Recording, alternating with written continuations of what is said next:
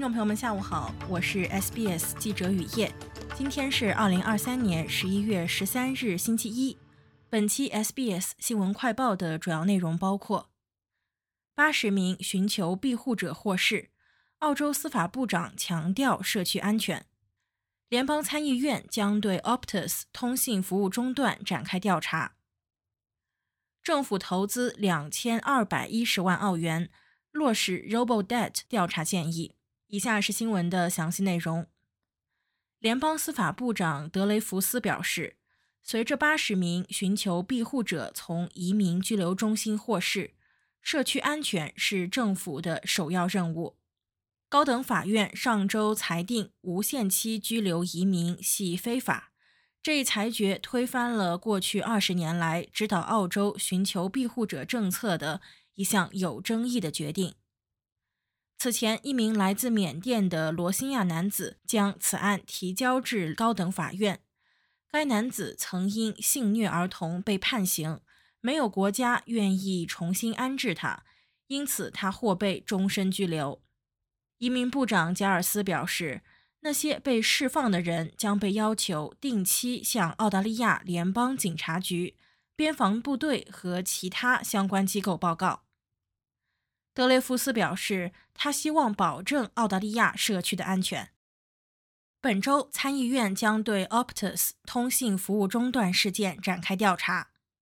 上周十一月八日，Optus 通信服务在澳大利亚全国范围内中断，数百万用户和企业无法连接互联网或拨打电话，故障解决时长长达十二小时。绿党参议员汉森杨继上周在议会提出调查后，将主持调查。他表示，Optus 首席执行官罗斯马林将在本周五十一月十七日接受议会调查。上周十一月八日，超过一千万 Optus 用户和企业受到影响。当时的故障导致人们无法连接互联网或拨打或接听电话，包括拨打 Triple Zero 的座机电话。故障解决时间超过十二小时。汉森杨表示，调查将寻求查明服务中断的原因，如何防止今后再发生类似事件，以及为什么 Optus 当天一直将政府和用户蒙在鼓里。他表示，澳大利亚人应该得到更好的服务。他们需要知道，当他们访问银行需要拨打紧急电话。需要通过电话和互联网开展业务时，他们可以信任可靠的服务。阿尔巴尼斯政府表示，原则上同意皇家委员会就机器人收债计划 Robo-Debt 提出的全部五十六项建议。作为应对措施的一部分，政府将在四年之中投入两千二百一十万澳元资金，以支持相关建议的实施。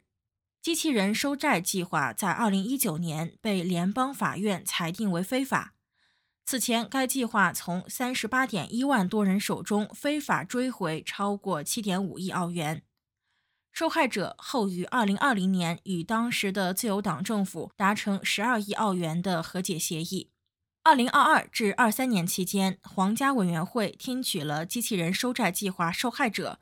关于其在收到债务通知时所遭受的创伤和恐惧的陈述，并收到了官僚无视该计划合法性的严重问题和建议的证据。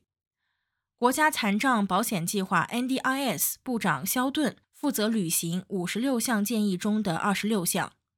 他表示，政府已经开始着手落实其中的部分建议。好了，感谢收听本期 SBS 新闻快报。在任何播客平台搜索“新闻快报”，点击订阅，开启消息提醒，即可了解澳洲国内外新闻及社区信息。